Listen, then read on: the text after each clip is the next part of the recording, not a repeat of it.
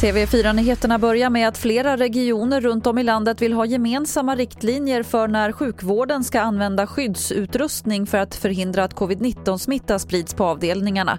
En enkät som TV4-nyheterna gjort visar att rutinerna skiljer sig kraftigt åt runt om i landet.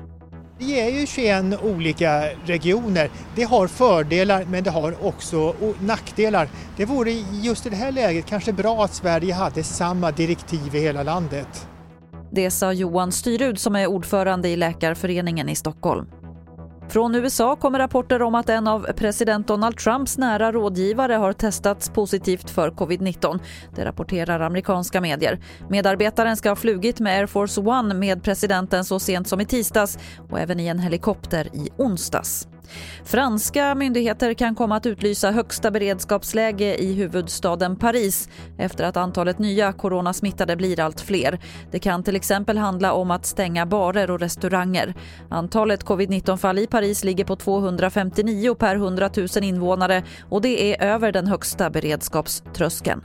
Det var det senaste från TV4 Nyheterna. Jag heter Lotta Wall.